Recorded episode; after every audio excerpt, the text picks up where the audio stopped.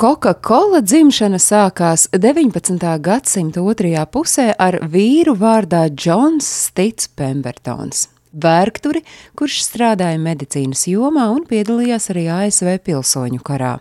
Pirms dienesta viņš iztiku pelnīja kā ķīmiķis un farmaceits, plaši pielietojot botānikas principus un zāļu tējas, lai atbrīvotu ķermeni no kaitīgajiem toksīniem. Tolaik daudzi uz šādu pieeju medicīnai skatījās ar piesardzību un dziļu neticību.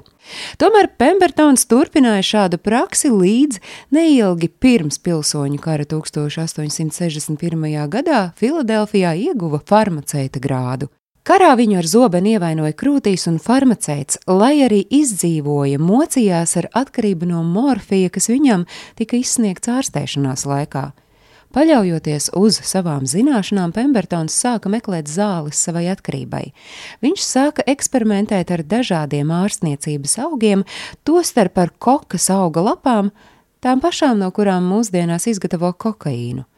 Jaucot kopā kokas auga lapas, vīnu un kolas riekstus, Pembertons izstrādāja pirmo dzērienu, ko sauca par Pembertona franču vīna koku.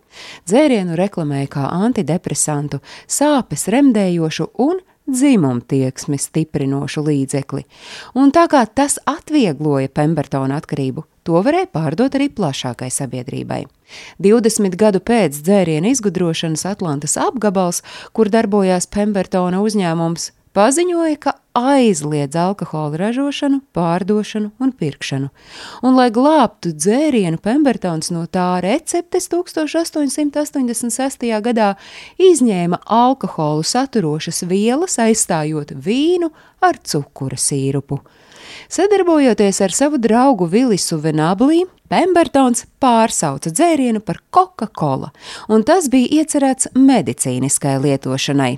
Ja vien maisījumam nejauši nebūtu pievienots gāzēts ūdens, pēc tam viņi to jau varēja piedāvāt kā atspirdzinošu bezalkoholisku dzērienu. Sākumā dzērienu ikdienā pirkuši vien deviņi cilvēki dienā, un dzēriena ražošana bija ar zaudējumiem, jo ražošanai iztērējot 70 dolāru, ieņēmumi pirmajā gadā bija vien 50. Tomēr maz pamazām dzēriena popularitāte pieauga, līdz ar to pārdošanas rādītāji, un kad 1888. gadā Pembertons pārdeva savas tiesības uz dzēriena ražošanu, vīrs, kuram piederēja tiesības tagad uz Coca-Cola, vēl pēc četriem gadiem nodibināja uzņēmumu The Coca-Cola Company. Sākot ar 1894. gada 12. martu, Coca-Cola sāka pildīt pudelēs, kas gan izskatījās pilnīgi citādāk nekā tagad atpazīstamās kolas stikla pudeles, un tās dēvēja par Hutchinsona tipa pudelēm.